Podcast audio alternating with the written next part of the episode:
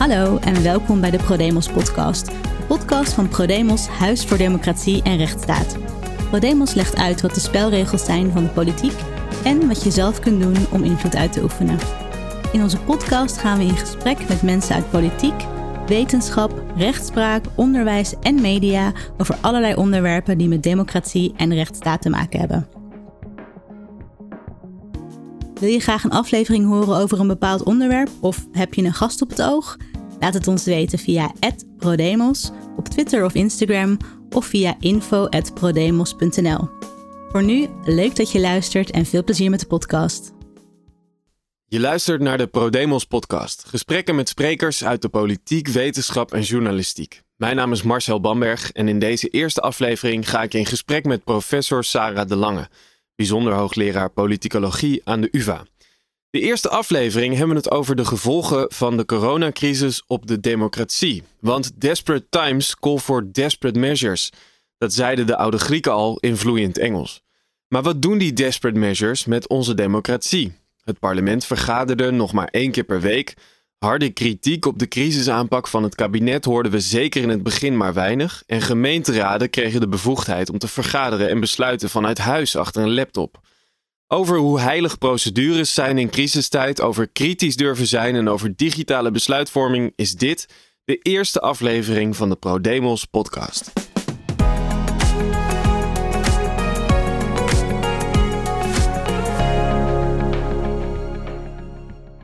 Sarah, welkom. Uh, welke gevolgen heeft de coronacrisis eigenlijk voor een bijzonder hoogleraar? Eigenlijk twee gevolgen. Uh, als eerste natuurlijk dat ik al mijn onderwijs aan onze studenten online moet geven.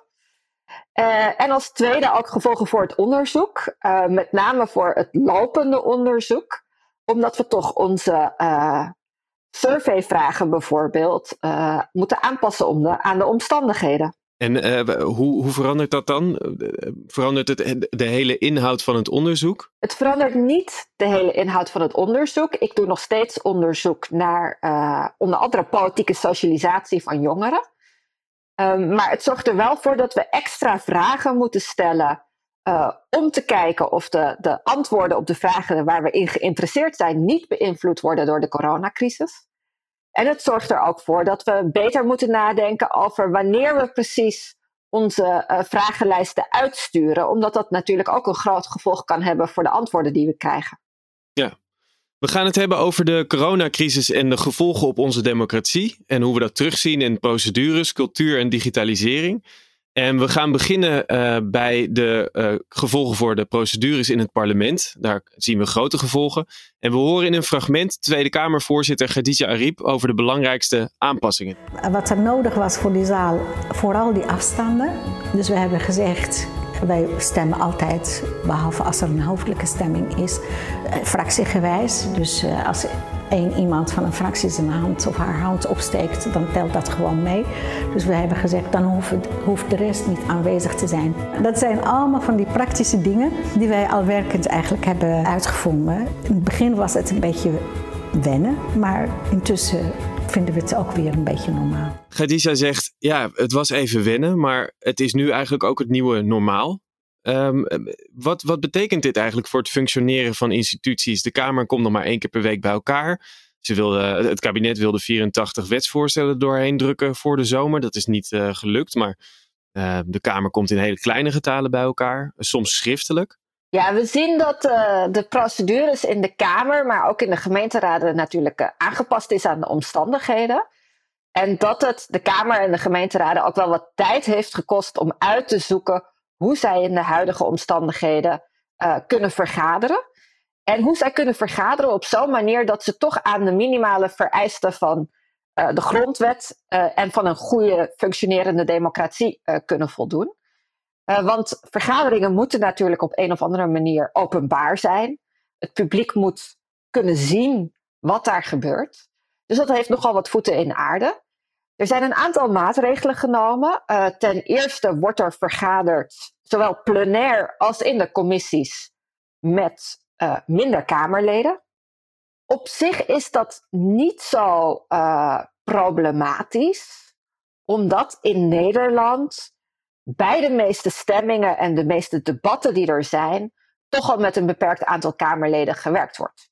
Dus als er uh, grote plenaire debatten zijn, zijn het ofwel de fractievoorzitters of de inhoudelijk specialisten die het woord voeren. De andere Kamerleden luisteren dan wel, maar hebben meestal geen eigen inbreng. En ook als er gestemd wordt, wordt er meestal per fractie hetzelfde gestemd. Dus we hebben in Nederland kennen we een vrij sterke fractiediscipline. Ja. Dus het is sowieso in normale tijden ook al zo dat niet alle Kamerleden tegelijkertijd een rol hebben in uh, de democratische besluitvorming. In de huidige situatie uh, ja, is dat nog iets sterker. Dus we zien bij de grote debatten die nu plaatsvinden en die primair over corona zelf natuurlijk gaan, dat het vooral de fractievoorzitters zijn die het woord voeren, dat de andere Kamerleden daarbij ook niet aanwezig zijn. En dat uh, zij ook namens hun fractie hun stem uitbrengen. Gegeven hoe het normaal gesproken gaat, zou je, kan je niet verwachten dat um, de uitkomsten heel anders waren geweest als er meer Kamerleden aanwezig waren geweest. Omdat die dus ook in normale omstandigheden een kleinere rol spelen en met hun fractievoorzitter meestemmen.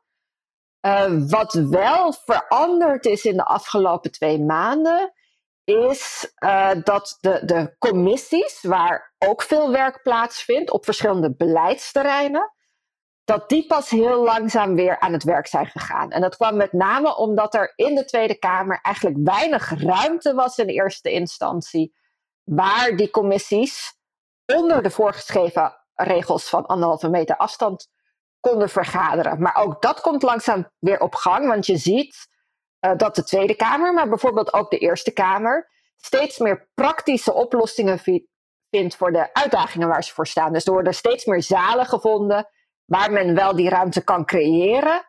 Waar men ook uh, de ondersteuning heeft die men nodig heeft. Uh, de katheders moeten elke keer gereinigd worden. De, de moeten gereinigd worden. En je ziet dus nu bijvoorbeeld ook dat de Eerste Kamer, die tot nu toe alleen uh, op afstand contact heeft gehad, niet fysiek bij elkaar gekomen is, wel weer kan gaan vergaderen, omdat men daar de ridderzaal voor klaar gaat maken. Ja, dus dat is een hele duidelijke welverandering. Maar je zegt uh, in praktische zin verandert er niet zoveel in het wezen van de Tweede Kamer. Uh, omdat ja, de woordvoerders waren altijd al de woordvoerders en daar kunnen nog honderd mensen bij gaan zitten of 130. Eh, maar in principe um, spreken die altijd bij monden van één uh, woordvoerder. En dat is niet anders dan hiervoor.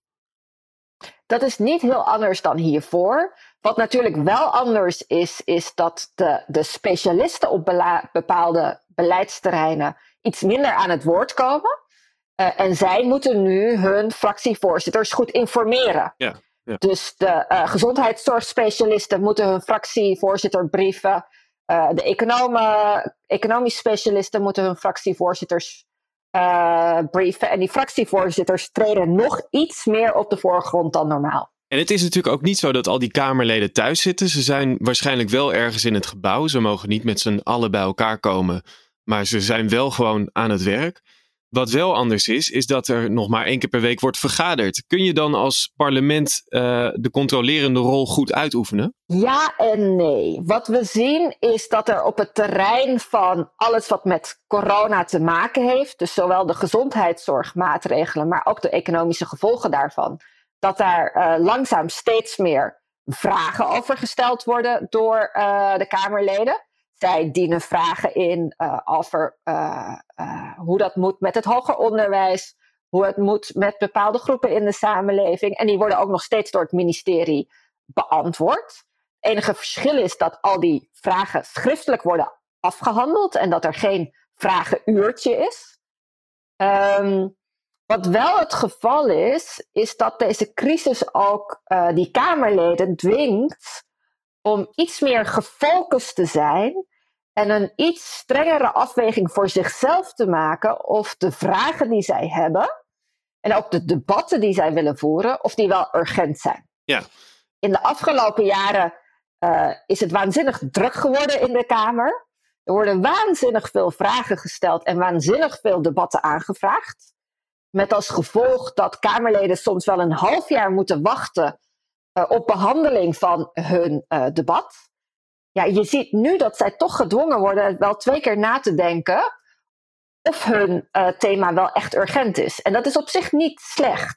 Nee, ja, in het laatste Politiek Café wat we nog hebben gedaan in Studio Dudok met ProDemos, voordat uh, alles dichtging vanwege corona, hadden we Bram van Ooyek, oud uh, partijleider van GroenLinks en huidig Kamerlid ook.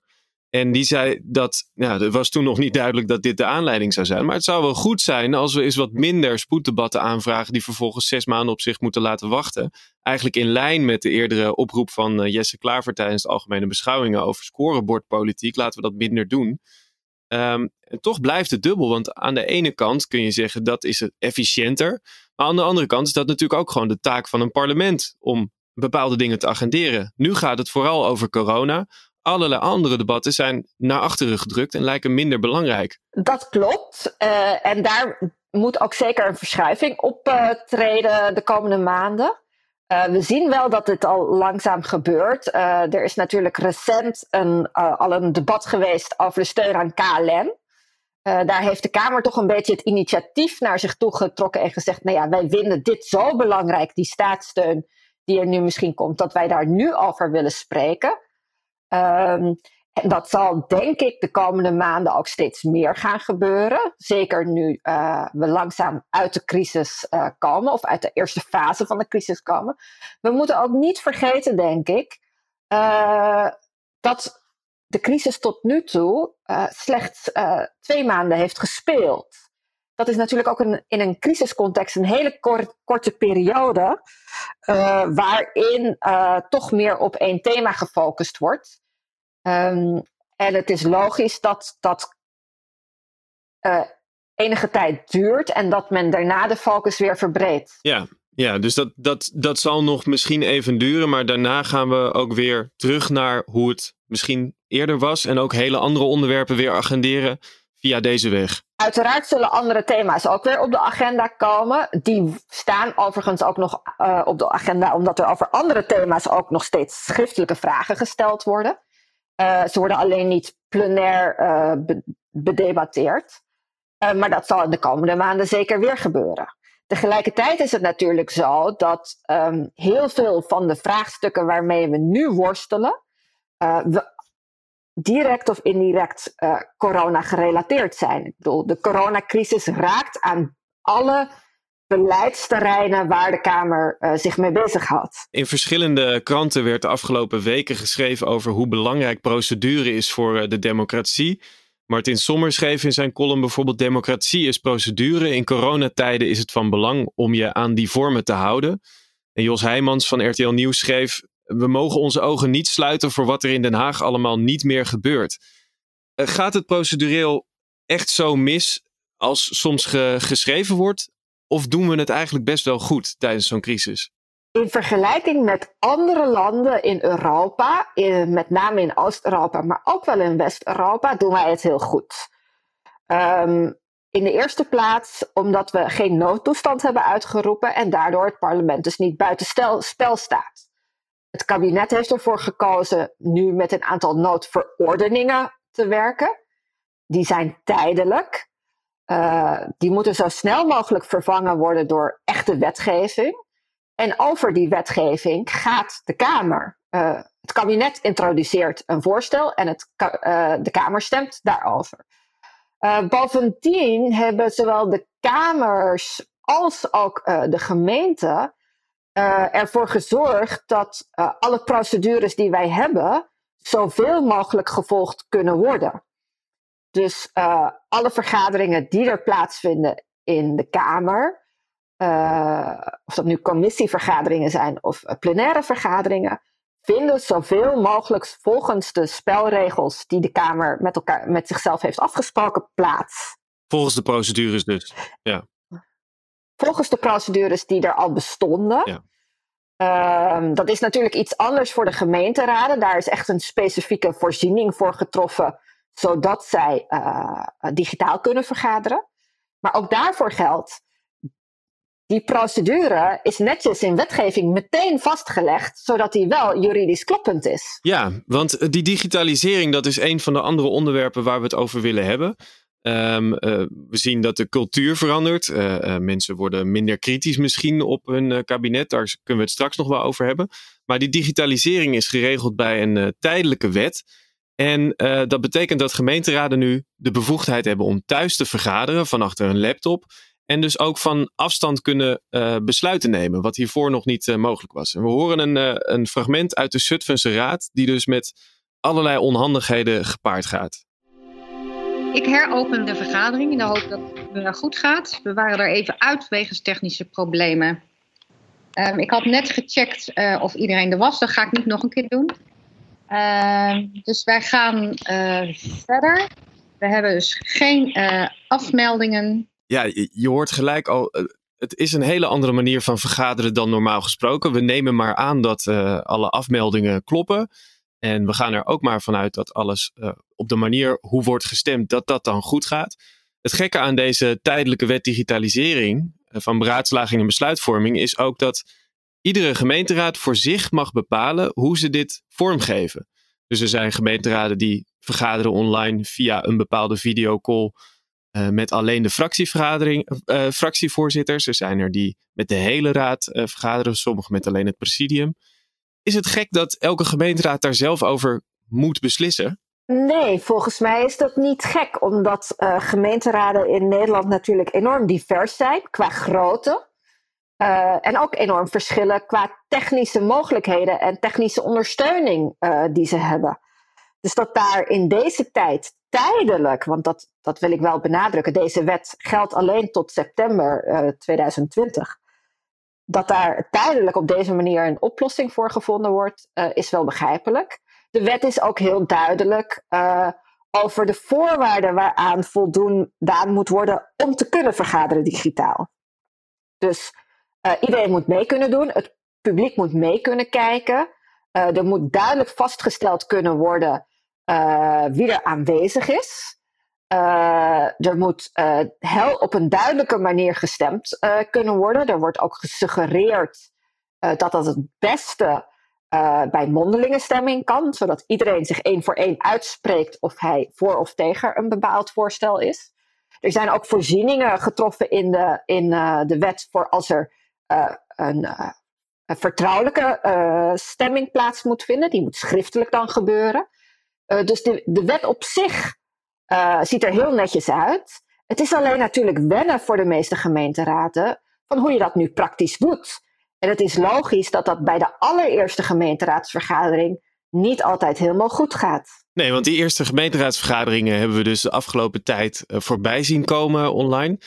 Um, misschien is het voor veel eh, mensen die geïnteresseerd zijn in lokale politiek nog wel moeilijk om uh, dat te vinden. Iedere persconferentie van Mark Rutte en de zijnen worden eh, via televisie gelivestreamd. Maar de gemeenteraden bezoeken, dat zit er even niet meer in. En het vinden online kan best wel een uitdaging zijn. Is het een, is het een uitdaging om de betrokkenheid bij lokale politiek nu, nu nog op peil te houden? Het is zeker een uitdaging. En gemeenteraden moeten ook goed communiceren over hoe burgers deze online vergaderingen kunnen volgen. Het heel helder zijn uh, over wanneer die plaatsvinden uh, en hoe men daar toegang toe krijgt. En daarbij ook aandacht hebben voor mensen die uh, minder digitaal vaardig zijn. Uh, tegelijkertijd biedt het ook wel kansen, want we weten dat uh, burgers uh, vrij weinig raadsvergaderingen bezoeken, tenzij er echt een heel hot issue op de agenda staat.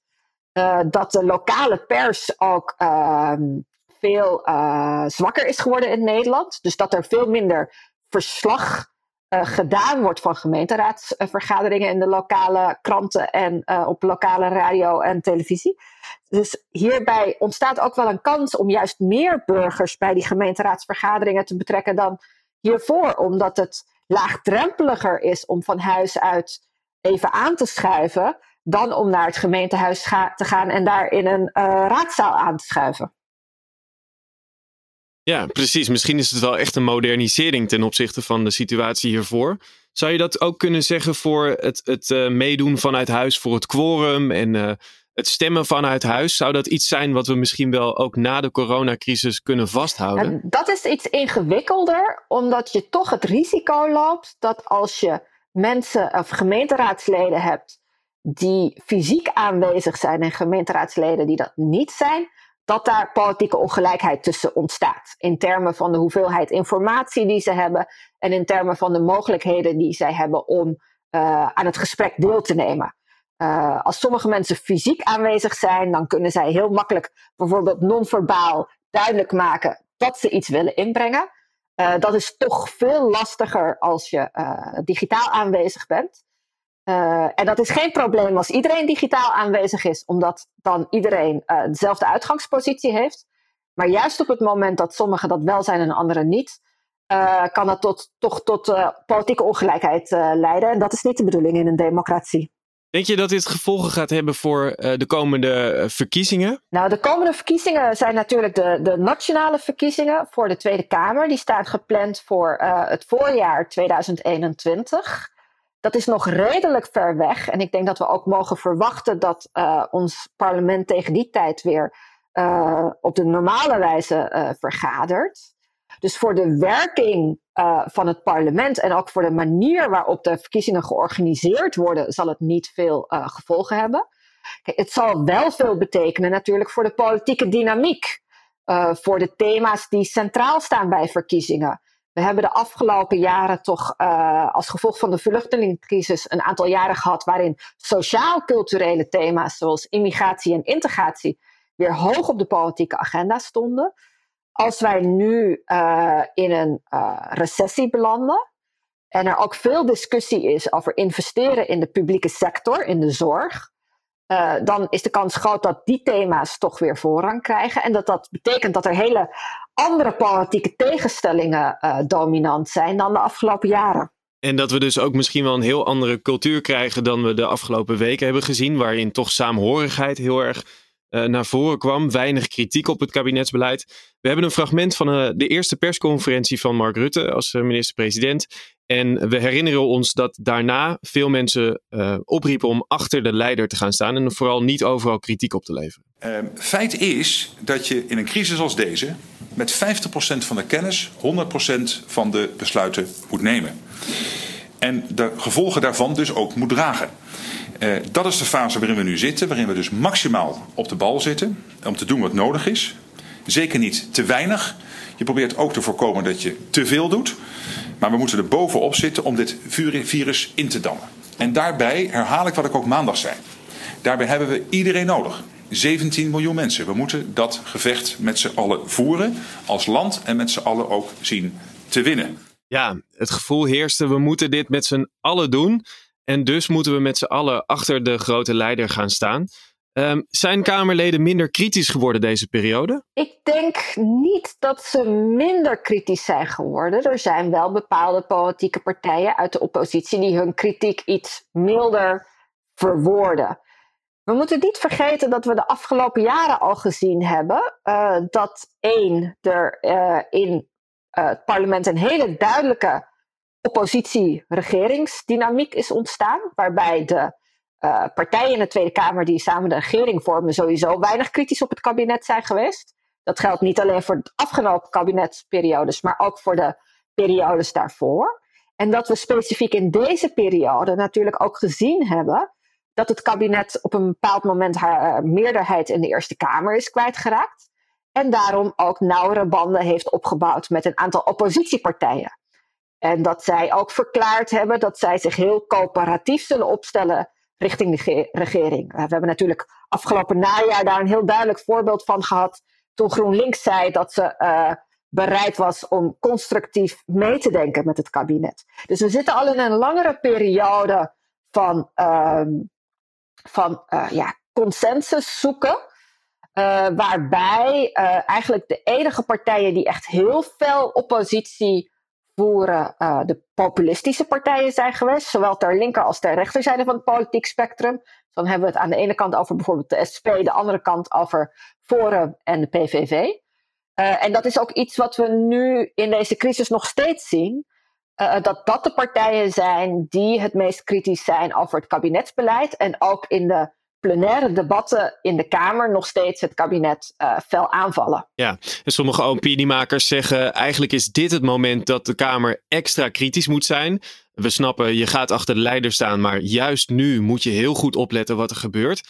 Um, je zegt, we zien dat aan de uiterst rechter en uiterst linkerflank wel gebeuren. Maar voor de rest is eigenlijk alles zoals het was. Is dat een goed teken of moeten we daar juist een beetje voorzichtig mee zijn? Het is een goed teken in tijden van crisis. Uh, dan zie je dat uh, zowel politieke partijen, maar ook burgers zich achter de, de leiders scharen. Dat noemen we het rally around the flag effect. En dat is ook belangrijk om een externe crisis het hoofd te kunnen bieden.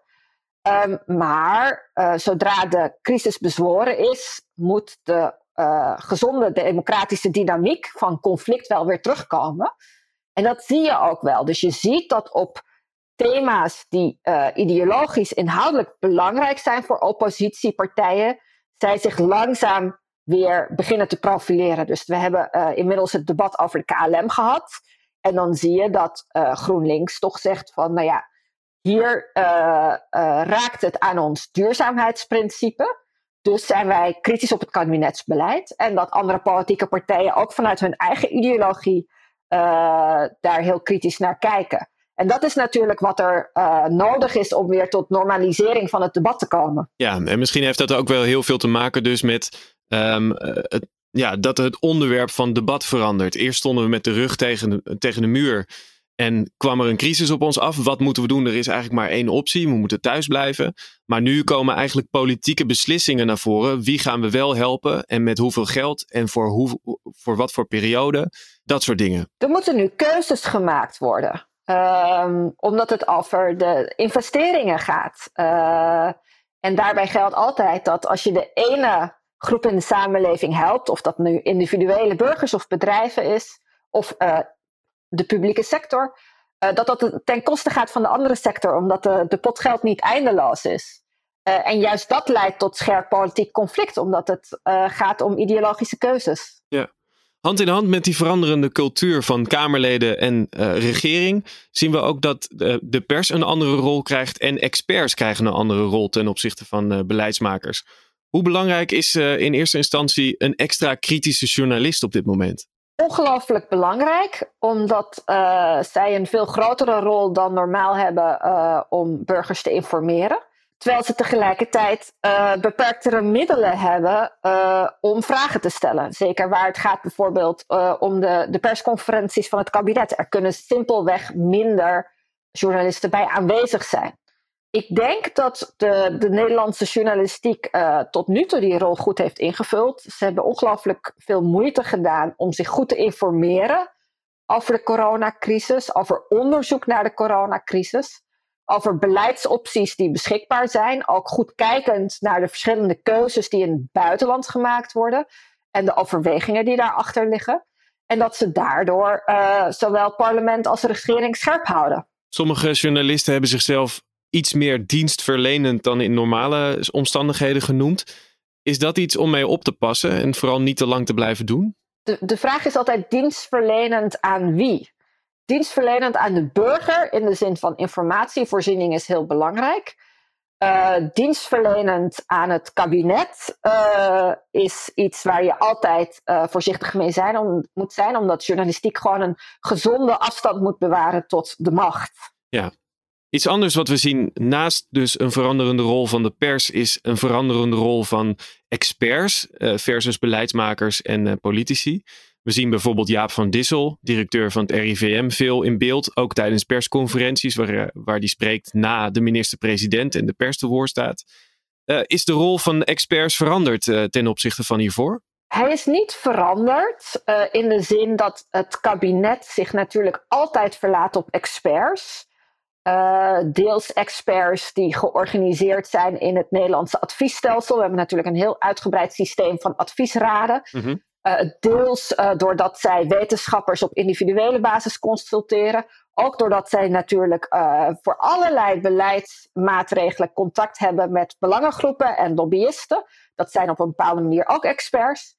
Um, wat anders is in deze crisis, is dat zij zich verlaten op een uh, hele specifieke groep experts uh, die een vrij geïnstitutionaliseerde rol heeft gekregen. Dus dat is het Outbreak Management Team. Uh, en dat is wel ongewoon dat men echt een vast team heeft waar men mee uh, contact onderhoudt.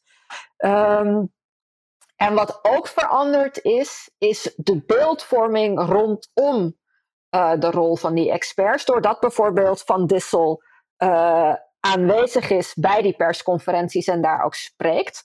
Dat kan de indruk wekken dat hij mede verantwoordelijk is voor het beleid. Um, maar uiteindelijk is het toch het kabinet dat de besluiten neemt op basis van de informatie die zij van het Outbreak Management Team en het RIVM krijgen. Dus als je goed luistert naar die persconferenties, zie je ook dat verschil in rollen wel heel duidelijk.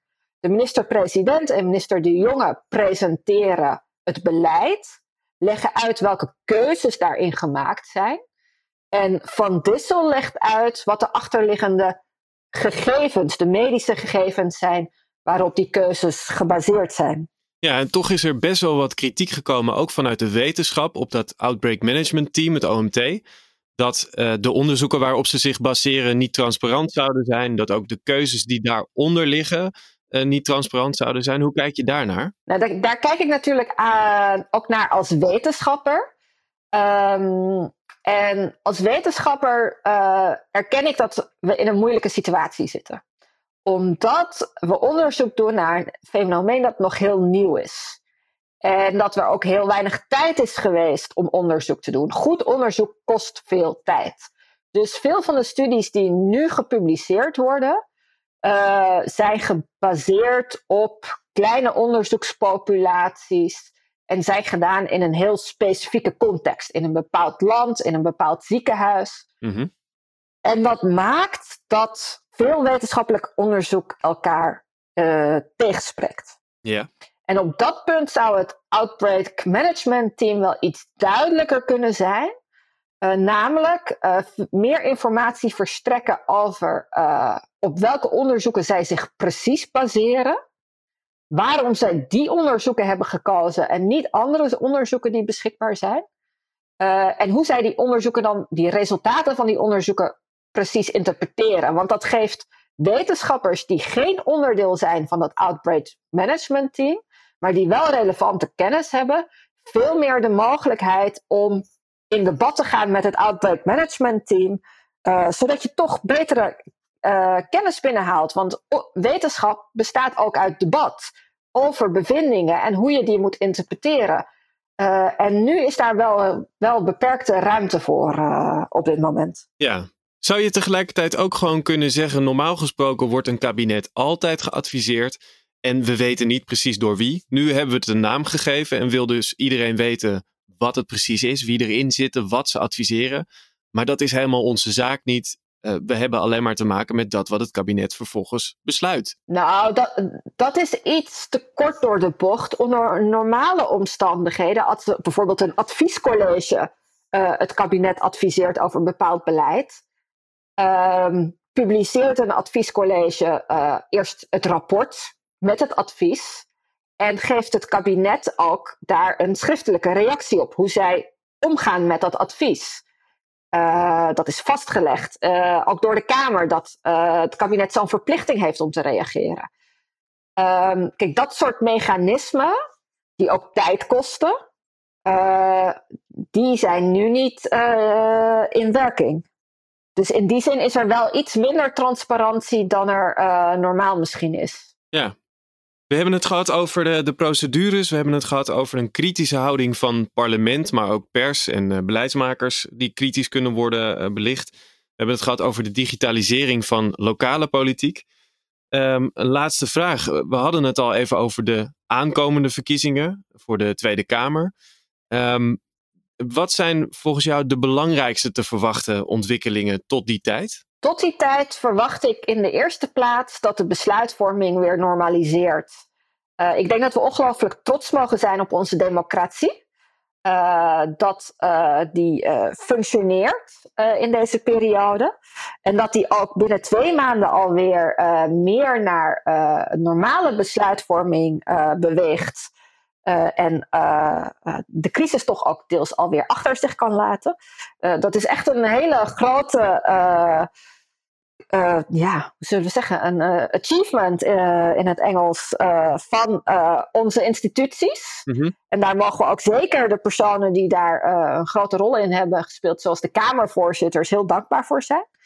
En ik verwacht dat die ontwikkeling zich door zal zetten en dat we eigenlijk in dit najaar alweer in ja, eigenlijk de, de normale democratische procedures zitten, met als enige verschil dat onze volksvertegenwoordigers op de verschillende niveaus anderhalve meter afstand van elkaar houden. Ja, dus dat betekent misschien voorlopig nog wel vergaderingen vanuit de Ridderzaal en de oude zaal van de Tweede Kamer en voor gemeenteraden op, op afstand. Maar dat heeft ook een zekere charme als we weer naar onze oude uh, zalen teruggaan. Zeker. Uitzonderlijke situatie. Heeft ook wel iets. Absoluut. Dankjewel voor je tijd. Graag gedaan. Je luisterde naar de ProDemos podcast met professor Sarah de Lange. Mijn naam is Marcel Bamberg en wil je nou meer gesprekken met bekenden uit de politiek, wetenschap en journalistiek? Abonneer en luister dan de volgende keer weer naar de ProDemos podcast. Voordat we er vandoor willen we graag nog een paar mensen bedanken voor hun hulp bij het maken van deze podcast. Daniel van de Poppen voor de audio, Tom Sikkers voor de muziek en Marciano Lansu voor de vormgeving. En jij bedankt voor het luisteren. Tot de volgende keer.